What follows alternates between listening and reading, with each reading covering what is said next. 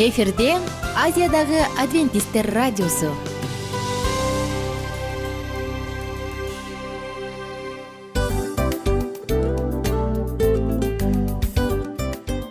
Достор салют. Баардык сүйүктүү угармандарыбызга салам айтабыз. Кутман күнүңүздөр менен.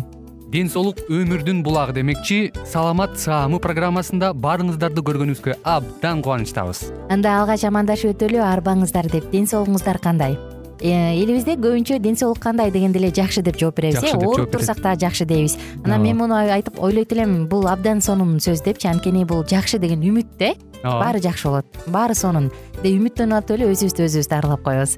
Анысы кандай? Сиздин дагы ден соолугуңуз жакшы беш деген үмүттөбүз чындыгында ден соолук бул өмүрдүн булагы деп бекеринен айтылган эмес деп ойлойм. Кыргыз элинде анткени эгерде ден соолук жок болсо анда адамдын жашоосунда калган баардык керектүү маңыздуу нерселер өзүнүн баалуулугун жоготуп коет. Ошондуктан ден соолук бул эң керектүү нерсе. Ооба туура айтасың кесиптешим. Чынында ден соолугуң жок бир эки үч күн ооруп калсаң эле э кандай болуп калат? Жашоодо көз каранды болуп каласың көп нерсеге жетишпей каласың көп нерсени кыла албай каласың жада калса эшикке дүкөнгө да чыга албай каласың. Туптуура анан ден соолук болсо демек биз биздин бактыбыз тоодой деп койсок болот.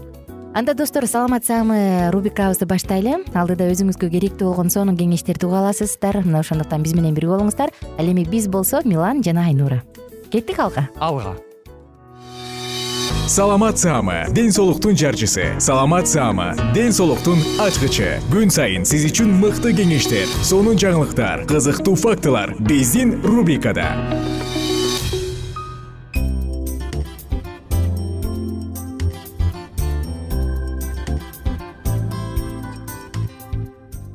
күн достор. Биздин сүйүктүү угармандар жалпыңыздар менен жагымдуу саатыбызда кайрадан саламат саама рубрикасы жана сиздер менен бүгүн антидиабетикалык программа деп аталган сонун уктуруубузду сонун темабызды албетте сунуштайбыз достор адамдын ден соолугун эгерде башынан карай турбаган болсо кийин катуу бир өнөкөт ооруларга чалдыкканда көп кыйынчылыктар жаралат. Дагы биз иштеген акчабызды убактыбыздын баардыгын ден соолукка арнап калат экенбиз. Ошондуктан ден соолук кийин бизге дагы каарыганга чейин жакшынакай кызмат кылып бериш үчүн биздин уктурууларды калтырбаңыздар. Жана сөзсүз түрдө аларда айтылган маалыматтарды колдонуңуздар. Бүгүн сиздер менен сөз кыла турган бул антидиабетикалык программа деп аталат. Албетте бул баягы толук айыктырчу курс деп айтканга таптакыр айта албайбыз андай деп. Жана сөзсүз түрдө бирок ошентсе дагы диабеттиктин андан ары күчөп кетишин алдын алганга жардам берет.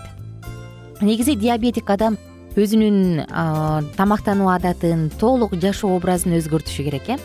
Болбосо биз биз сунуштаган бул антидиабетикалык программаны бир күн жасап коюп ошол бойдон калтырып коюп болбойт муну маал маалы менен улам жасап турушу керек көпчүлүк учурда баягы салттуу медицина айтат да жок диабетиктер үчүн болбойт муну ичкенге андай кылганга болбойт мөмө жемиштерди жашылчаларды жебеши керек аларга болбойт деп айтып келишет анткени баардык фруктылардын мөмө жемиштердин курамында сахар бар ошондуктан диабетиктерге болбойт деп айтып келишкен. Бирок достор андай эмес. Азыркы күндө баардык диабетиктер баягы эт рационуна карманган баардык диабетиктердин баардыгы тең мөмө жемиштерди сөзсүз түрдө бир аз бир аздан жегенге аракет кылышат. Анткени бул нерсе абдан керек. Анан жүрөк кан тамыр оорулары күчөбөш үчүн атеросклероз баягы кайсы бир органды ампутировать этпеш үчүн тромбоз мээнин мозг сосуддары тромбоз болбош үчүн жүрөк приступу болбош үчүн алар туура тамактануусу абдан зарыл.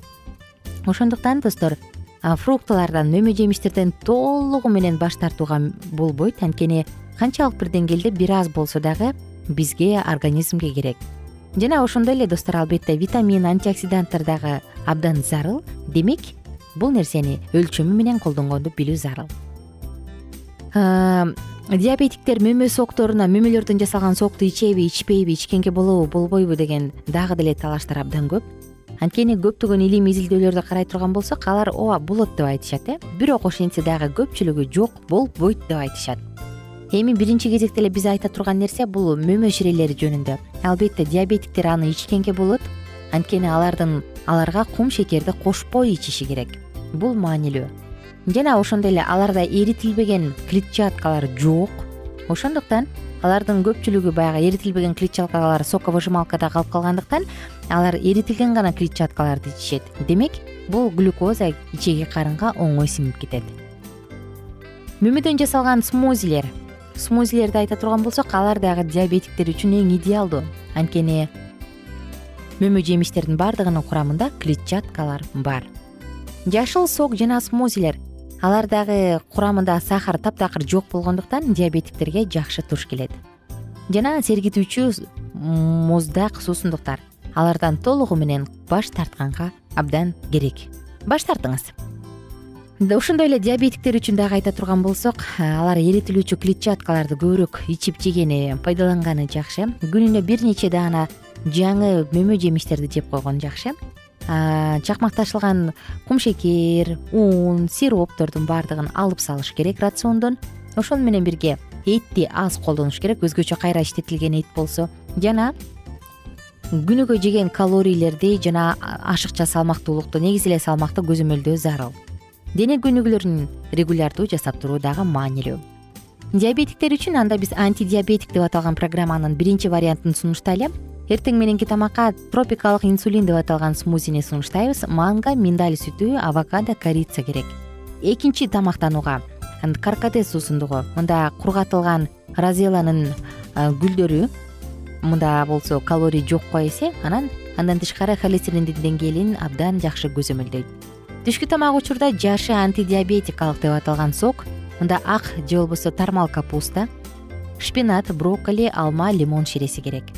Түштөн кийинки тамакка корицанын тундурмасы кечки тамакка урук чиянын уругу жана лимон ширеси. Болду. Бул биздин сунуштай турган биринчи гана вариантыбыз эми достор сиздер менен экинчи вариантты сунуштайлы антидиабетикалык программа деп аталган экинчи сунуштабыз таңкы тамакка.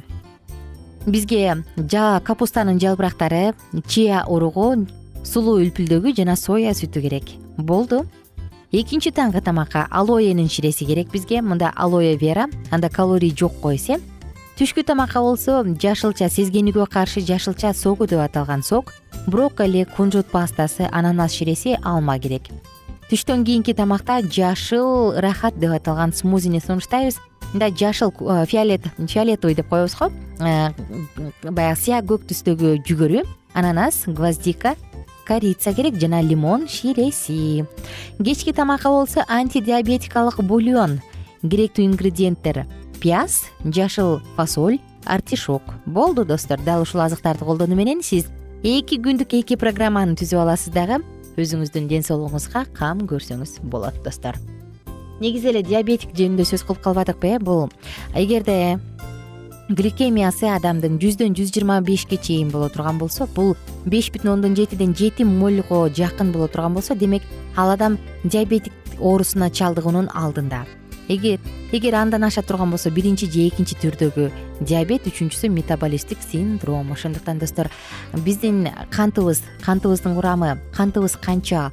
Бул нерсени дагы текшертип койгон коюп турган жакшы. Азыркы күндө бул кайсы бир ооруканаларда кыргызстанда бекер кайсы бир жерлеринде акча төлөп текшеришет. Бирок ошентсе дагы бул нерсени сөзсүз түрдө өзүбүзгө эске алып анан ден соолугубуздун камы үчүн көрүп коюп турган жакшы. Эртең мененкисин ачкарын текшеребиз эки үч күндө бир бир жумада бир текшерип атып туруп орточо кантыбыз канча экенин билип алган соң анан тынч жүрөк менен жашай берүүбүз жакшы. Достор мен сиздер менен коштошом. Кайрадан кийинки уктуруулардан амандашканча бар болуңуздар. Күнүңүздөр көңүлдүү маанайда улана берсин. Баардык жакшылыктар бир гана сиздер үчүн болсун. Оорубаңыздар.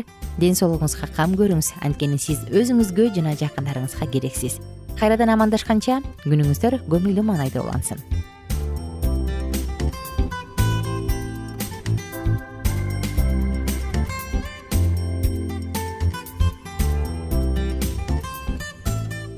кененирээк маалыматтар үчүн үч w чекит саламат чекит клуб сайтына келип таанышыңыздар. Жана андан тышкары социалдык тармактарда youtube facebook жана instagram баракчаларына катталыңыз. Саламат саама ден соолуктун жарчысы. Саламат саама ден соолуктун ачкычы. Күн сайын сиз үчүн мыкты кеңештер сонун жаңылыктар кызыктуу фактылар. Биздин рубрикада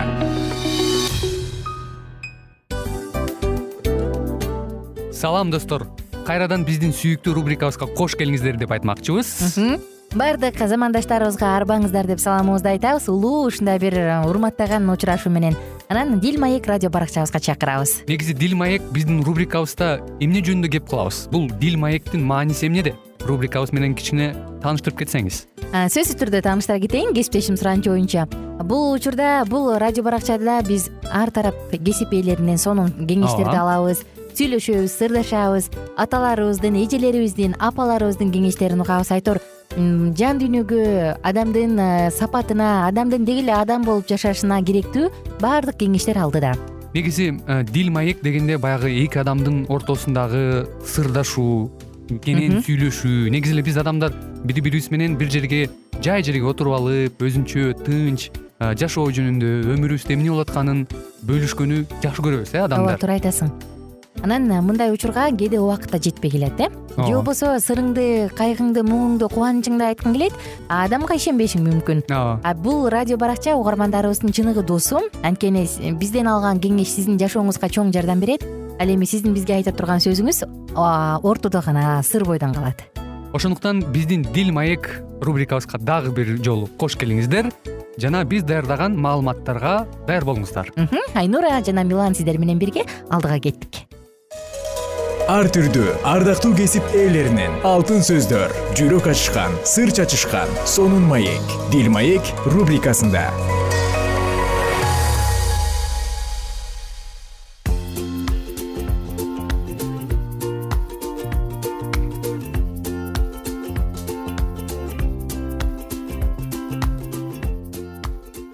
саламатсыздарбы? Угармандар көрөрмандар жалпыңыздар менен кайрадан биз дил маек уктуруусун баштап отурабыз старт алды биздин жагымдуу саатыбыз. Жана үй бүлө темасына арналган үй бүлөдөгү конфликттерди чечүү деген темабызды улантабыз. Албетте кайрадан эле биз сиздер менен дил маек уктуруубузду улантабыз. Ардактуу достор саламатсыздарбы? Мурунку уктуруубузда кесиптеш эсиңдеби биз күтүүлөр жөнүндө сөз кылып атканбыз э качан адамдын күтүүлөрү баягы ожидаемость деп коебуз го. Күтүүлөрү орундалбай баштаганда бири биринен көңүл калуу кыялдардын бузулушу нааразычылыктар тарс турс коюлган идиштер. Катуу катуу баскан буттардын дабышы угула баштайт экен да. Анысы кандай? Биздин күтүүлөрүбүз жөнүндө дагы сөз кыла кетеличи. Биз биринчи ушул уктуруубузду баштап атканда сексен пайыз чыр чатактар бул материалдык жетишсиздиктен келип чыгат деп айдык белек анан экинчи эле орунда ушул күтүүлөр экен элестетип көр. Тагыраак айтканда материалдык жетишсиздик анан күтүүлөр орундалбаса ал үй бүлөнүн келечеги кең болбой калышы мүмкүн экен дагы мындай үй бүлөнүн анан албетте эки адам чогуу жашай албай калышы мүмкүн экен. Анда биз уланталы достор саатыбызды адам жарымынан эмнени күтөт? Сен мырза катары айтып бер мен айым катары айтып берейин негизи эле мырзалар көбүнчө жубайларынан эмнени күтөт деген суроо жаралган учурда. Э, мырзалар албетте баягы аял кишиден эң биринчиден эле бир назиктикти талап кылат да. Э, назиктикти жумшактык мүнөздү ошол эле учурда. Э, албетте аял киши баягы күйөөсү катары күйөөсүнө моюн сунууну күтөт.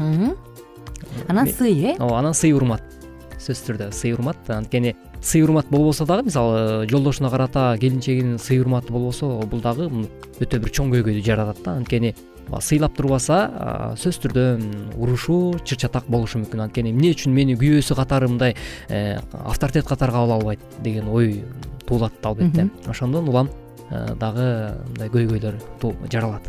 Негизи мен баягы көп адамдардан угуп калам курбуларымдан угуп калам тим эле кыйратып салгансып керсейет деген сыяктуу бир туура эмес көрүнүштү айткандарын угуп анан ал кээде айткым келет да бул деген ал табиятынан салынган нерсе да депчи. Мырза эркектин табияты негизи ага суктанып турушун. Ал айымдан өйдөрөөк өзүн сезишин. Айымдын ага баш ийип э макул хоппай! деп турушун каалайт экен да. Бул мен ойлойм бул бул үчүн эркек күнөөлүү эмес депчи. Анткени бул кудай салган деп койсом болот го дейм. Табият да кудай берген табият кудай э, жаратуучу эркекти башчу болсун табуучу болсун камкорчу болсун кам көрүүчү болсун камкордугун мойнуна алсын коргосун деп мындай бир чоң статуска койгон деп ойлойм да. Ошол себептен мырзанын мага суктансын мен буга теңелбей эле коеюн жок мен өзүмдүн баркымды сактап калайын деген бир көрүнүштөрүн керсейит тим эле кыйратып салгансып деген сөз менен эмес. А бул эркек да деп кабыл ала турган болсок мен ойлойм эркектерде мындай ачуу батыраак басылат болуш керек деп. Кандай дейсиң? сөзсүз түрдө кошуламын. Албетте э, ошондой болот. Анткени эркектер чындап эле баягы көп учурда эле мен жогоруда айтып өткөндөй баягы айымдардан мындай назиктикти сылыктыкты талап кылышат да. Анан өзүңөн мага суроо бергениңе жараша кесиптешим сага да суроо берейин. Негизи айымдар айымдар дагы баягы эркек адамдан негизи өзүнүн өмүрлүк жарынан кандай нерсени баягы талап кылышат? Айым дегенде эле мен бул табиятынан эле жаралган эне деп айткым келет да. Эненин жүрөгү кандай? Мисалы сен эненин жүрөгү кандай экенин билесиң да сен келинчегиң эле болочоктогу же учурда эне. Мисалы сен кызга үйлөнүп атканда ал сенин балдарыңдын энеси. Мен айткым келгени ал табиятынан эле тээ төрөлгөндөн эле баягы курчакта ыйлай ыйлайда ойногондон эле анда энелик бир өзгөчө табият назиктик бар да. Энеге баягы баласы катуу айта турган болсо бирөө катуу айтса аябай сарсанаа болуп карасаң ушинтпейди үйдө ыйлап э, бук болуп улам улам айтып баягы ушундай бир кайгырат го. Көңүл ооруп ооба көңүл ооруп калат. Мына ушул эле нерсе колуктуда да болот да айымдарда дагы болот. Биздин жүрөгүбүз өтө назик. Өтө эле назикпиз мен ойлойм да бир үй бүлөнүн формуласы баягы айтып коет эмеспи. Аял күйөөсүнө баш ийсин деп. Ал эми күйөө болсо аялды өзүнө өзүн кандай сүйсө ошондой сүйсүн анан. Аяр кымбат баалуу идишке мамиле кылгандай жасасын депчи бул үй бүлөнүн формуласы го бийик деңгээлде коюлган. Анан анысы кандай эгерде ошол аялды аярлап жок бул аял заты мунун жүрөгү назик жөн эле сөздөрдү жөн эле ойлонбой айтып албайын деп мындай өтө аяр мамилени көрсө анда мен ойлойм бул келинчектин күтүүсү орундалат деп. Анан албетте келинчекти аял кулагы менен сүйөт эркек көзү менен сүйөт деп бекеринен айтылган эмес. Аял заты назик сөздөргө ага мындай укпаса дагы уккусу келбесе дагы уккан сыяктуу көрүнүп аны угуп коюшун ага жакшы сөздөрдү айтышын жөнөкөй эле алтыным мен сени сүйөм. Ушу сага жолукканыма мен аябай миң мертебе ыраазымын деген сыяктуу сөздөрдү айтып турушун каалайт да.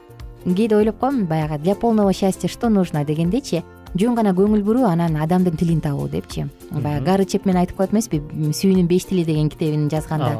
Ал жактан да карап отурсаң адамдын бакыты үчүн заңгыраган үч кабат үй кычыраган лексус унаа же шавролетпи шевролетпи же анын деле кереги жок экен да алар дагы бар болсо дагы бактысыз сезиши мүмкүн. Адамдын бакыты үчүн болгону жаныңдагы адам сени түшүнүп сен аны түшүнүп анан бирге баягы об руку эле баягы колдорун жетелешип алып бирге басыш керек экен да болгонучу сен бактылуу болуш үчүн бакыт негизи бул өзү гормон эле го. Биз бакыт десе материалдык нерсе менен ченегенге аракет кылабыз бирок ал жөн гана гормондор го. Анан ошол гормон эндорфиндер көбүрөөк иштелип чыгыш үчүн сүйүп кучактап бетинен сүйүп ага суктанып анын сулуулугун баса белгилеп анын ийгиликтери менен бөлүшүп ага мындай өзгөчө аяр мамиле кылсаң болду экен. Айым байкуш бактылуу эле болуп калат экен да. Анан анысы кандай мен ойлойм айымдардын күтүүсү бул көбүрөөк көңүл буруу анан көбүрөөк сүю деп эле ойлойм да. Анан жакшы сөздөр деп. Апаларыбыз мисалы ар бирибиздин эле апаларыбыз бар да. Менин апам көп айтып калат да эркектер мени түшүнбөйт көп депчи. Анан алар мени менден ушуну талап кылат. Эмнеге силер ушинте бересиңер? Эмнеге келгенде апа тамак барбы? деп сурайсыңар биринчи эле деп баягы балдар баарыбыз бир убакта чоңоюп анан баарыбыз иштеп үйдө болгон учур болот го ушундай э бир апа үчүн аябай кыйын болгон учурчу анан тамакты баарыбыз үчүн жасап тосуп алат бир казан чоң тамак жасайт. Баарыбыз кеткенден кийин үй жыйнайт ошол учурда апам ушинтип көп нааразы болуп калды да эмне эмне себептен ада биздин балдар ушинтет дегенде атам кадимкидей болуша баштады да. Кантип болушту дебейсиңби апаңарды сыйлагыла деп туруп стөлдү бир урган жок. Такыр башка тактика менен бөлүштү анда муну биз кийинки уктурууда уланталы анткени саатыбыздын соңку мүнөттөрүнө келип калдык. Сөзсүз түрдө бизге бөлүнгөн убакыт дагы ушунчалык чектелүү болгондуктан э, коштошууга аргасызбыз. Достор күнүңүздөр көңүлдүү маанайда улансын. Эгерде сиздин келинчегиңиз толтуңдап ысык чай бербей атса мүмкүн жөн гана алтыным мен сени сүйөм деп бетинен сүйүп жөнөкөй гана шоколадпы бир даана гүлбү белек кылып коерсуз кайрадан амандашканча сак саламатта туруңуздар бар болуңуздар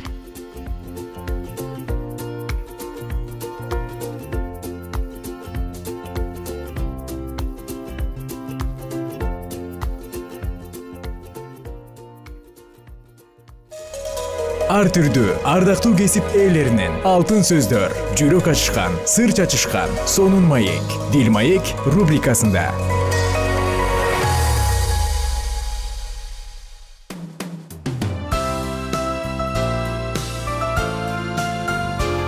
Эфирде азиядагы адвентисттер радиосу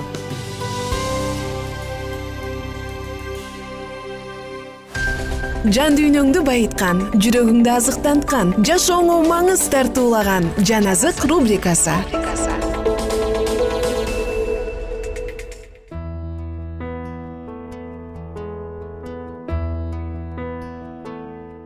Амансыздарбы ардактуу радио каармандар. Кайрадан эле биз сиздер менен жан азык уктуруусунда күн алышып жатабыз. Э, кесиптешим айнура жана ошондой эле мен улан.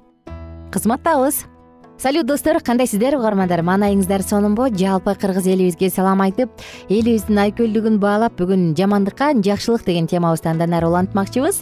Э, сөзсүз түрдө сиздин өзүңүздүн оюңуз болсо сиздин өзүңүздүн айта турган оюңуз болсо анда бизге whatsapp ылдый жакта көрсөтүлөт буюрса ушул номурга билдирүү жазып койсоңуз болот. Кесиптеш биз мурунку уктуруубузда эмне себептен биз жакшылык кылууга жардыбыз? Эмнеге сараңбыз деп айтып айтып атканбыз э? Ооба. А мисалы манастын жети осуяты деп туруп аябай баалаганда ал жакта айкөлдүк биринчи орунда турат эмеспи э? Бирок ошого карабастан элибизде таш менен урганды аш менен нур жакшылыкка жамандыкка жакшылык деген баары айтылганы менен бирок баары бир биздин жашообузда реалдуу жашообузда бул нерсе сен айткандай аткарылбай келет. Эмне үчүн биз бул нерсеге жардыбыз? Келиңди анда да бүгүн дагы бир себептерин карап көрбөйлүбү мурунку уктурууларыбызда биз батыштык тарапты көбүрөөк алып кеттик өзүбүздүн менталитеттен алыстап кеттик дегенбиз андан тышкары өзүмчүлдүк э, баягы эгоизм деп коет эмеспизби эгоисттик дүйнөнү сүйүү жан дүйнөнүн жакырланып кетиши сүйүүнүн жоктугу ушул нерселерге алып келет дедик. Дагы эмне болушу мүмкүн себеп эми буга бир эле сөз менен э, баардыгын э, бир калпка чогултуп жыйынтыктап айтып койгон мындай э, менимче кыйыныраак. кыйыныраак болуп калат го. Андай мүмкүн да эмес го дейм. Ооба мүмкүн да эмес. Ошондуктан негизинен эле баягы улуттук колорит дейбиз улуттук руханий баалуулугубуздун жылдан жылга мындай жоголуп бараткандыгы мени мындай өтө мындай кандай десем кыжаалат кылат десем болот да. Анткени бир макалдан улам бүгүнкү күндөгү жапон элдери ушул программага даярданып жатып бир макаланы окуп калдым да. Анан ошол жерден жапондордун баягы э, өзүлөрүнүн э, маданиятында аларда мындай бир бир нече баягы баары окшош болсо бир нече нерселери кыргыздардын бир салт санааларына окшогон жактары бар экен да.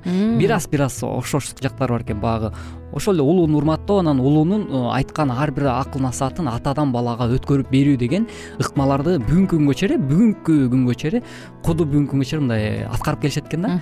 Анан ошондо сактап келишет э сактап келишет экен. Анан ошол нерсени окуп отуруп бир ойчул өзүнүн бир оюн айтып жатып анан кыргыздын макалынын негизинде өзүнүн оюн кошумчалап кеткен экен да. Ошону угуп алып мен абдан таң берип анан бүгүнкү күндө мындай жапон элинин ушунчалык гений акылдуу экендигин мен мындай дагы бир ирет ынандым да анан мынтип айттыр. Кыргыздар дейт да кыргыздардын илгертеден силердин ата бабаңар ушунчалык гений ушунчалык э, философиялык жактан терең мааниси э, мындай тарбиялык мааниси өтө чоң нерселерди айткан экен депчи. Э, кандай нерселерди айткан дегенде ал жерде мынткен экен? Мындай деген макал бар го баягы айтылат да. Энеңди өлтүргөнгө ой атаңды өлтүргөнгө энеңди алып бер дейт да. Ушул нерсени япон эли ушунчалык мындай бул эмне деген нерсе депчи сенин энеңди өлтүрүп жатса дейт.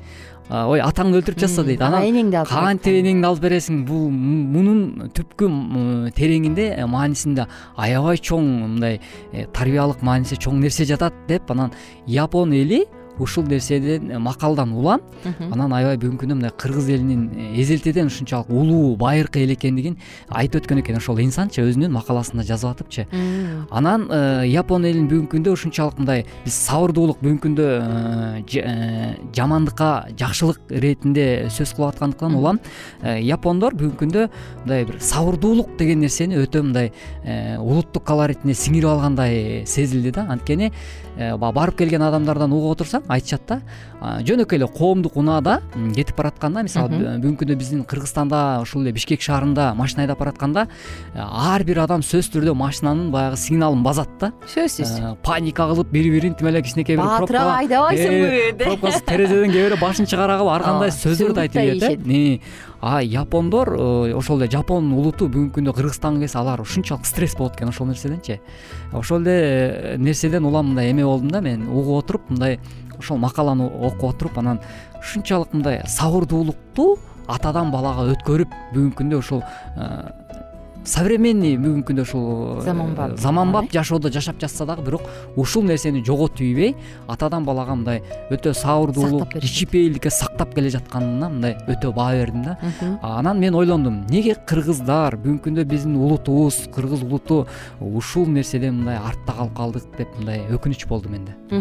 Абдан сонун ой айттың чындыгында сен айткан эле макал э мисалга келтирген. Атаңды өлтүргөнгө энеңди алып бер деп. Бул дагы сага канчалык жамандык кылбасын дейт бирок сен ага жакшылык менен жооп бер дейт э? Мындай карап отуруп.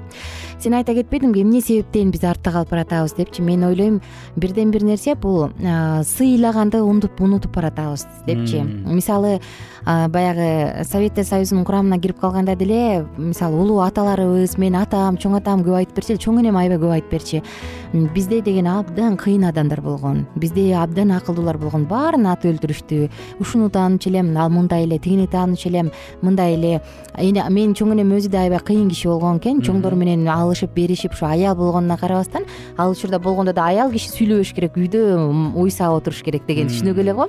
Ошого карабастан мындай көп нерсенин үстүнөн жеңип көп адамдар менен переговор деп коет эмеспи сүйлөшүп. Тең тайлаша билип тең тайлаша билишип мындай аябай акылдуу аял болчу экен да анан. Ал ошо апам көп айтып калат биздин цивилизациянын баардыгын жок кылганга аракет кылышкан азыр силерде калганы бул калдыктары депчи. Анан мен ойлойм бир четинен баягы биз эчтеке билбейбиз ой биз биз деп өзүбүздү өзүбүз басынтып атып биз баалуулуктарыбызды баалуулук экенин билбей баратат окшойбуз депчи бул дагы бирден бир себеп болушу мүмкүн. Анда биз кийинки уктуруубузда буюрса дагы улантабыз. Ага чейин достор сиздер менен дагы кайрадан амандашканча деп коштошобуз. Биздин карамагыбызда бир мүнөттүк убакыт бар. Мүмкүн сенде дагы айта турган ой бардыр ооба чындап эле э, биздин ушул бүгүнкү учурда кыргыз элинин улуттук баягы руханий жан дүйнөсүнүн мындай тарып бараткандыгы э, кайрадан эле баса белгилеп айткым келет да ушунчалык мындай өкүнүчтүү абалга түшүп баратабыз да анткени өзүң жогоруда айткандай эле улуумун өкүлдөрү абдан жакшы мындай э, касиети бар ушундай тарбиялык нерсе менен балдарын мындай тарбиялап келген инсандардын суюлуп бараткандыгы бүгүнкү күндө өкүндүрөт албетте туура достор анда биз сиздер менен коштошолу кийинки уктуруубузда ушул эле теманы андан ары улантабыз. Эмне себептен биз жамандыкка жакшылык менен жооп бере албай жатабыз? Негизи эле жамандык кылбаса деле эмнеге жакшылык кылганга колубуз тар болуп баратат? Эмнеге колубуз ачык эмес? Бул тууралуу дагы буюрса ой менен бөлүшүүгө даярбыз. Ага чейин сиз да ойлонуп көрүңүз. Эмне себептен? Мүмкүн сизде жаңы идеялар жаңы ойлор пайда болсо биздин whatsapp номурубузга жазып койсоңуз болот. Кайрадан жалпыңыздар менен амандашканча күнүңүздөр көңүлдүү улансын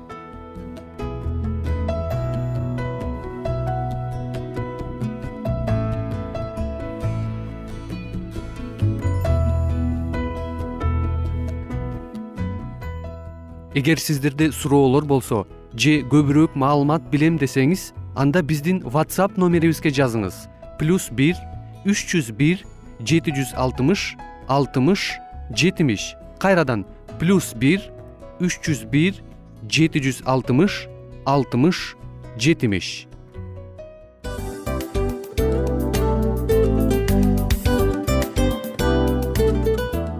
достор биздин радио баракчаларыбыз соңуна келди. Демек бул программабызды дагы жыйынтыктачу келдик. Учурга келдик. Анан кесиптешимден сурагым келип турат. Негизи эле иштин башталып атканы кубандырабы сени же жыйынтыгы кубандырабы албетте жыйынтыгы. Себеп дегенде сен кылган ишиңдин жыйынтыгын көрүп э, баягы мөмөсүн көрүп дегендей жыргайсың жүрөгүң жемишинен тартып э? Кандай даамдуу деп. Баягы буудай сепкенде эмес буудай эгинди жыйнагандан кийин ысык нанды жегенде кадимкидей ырахаттанасың го. Ой айтпа туура айта кеттиңиз. Сонун салыштыруу болду анан мен дагы абдан кубанып турам. Анткени биз угармандарыбыз үчүн аябай эмгектенип келген уктуруубуздун соңуна келип калдык анан эми уктуруубуздун соңунда угармандар кандай пайда алып калды экен деп күтүп турам да. Балким э, менин жашоомо өзгөрүү киргизе турган сонун сөздөр болду. Мен ушул нерсени изилдеп анан кабыл албасам ушул нерсени кылбасам деген чечим чыгарсаңыз анда биз абдан кубанычтабыз. Сөзсүз түрдө андыктан кийинки биздин кызыктуу уктурууларыбыздан көрүшкөнчө сак саламатта калыңыздар. Чыдамсыздык менен сиздерди мен милан жана кесиптешим айнура күтөбүз. Баардык угармандарыбызга ийгиликтүү күн каалайбыз качан гана болбосун уртуңуздан жылмаюу кетпесин үйүңүздө көмүр жүрөгүңүздө көңүл болсун дейли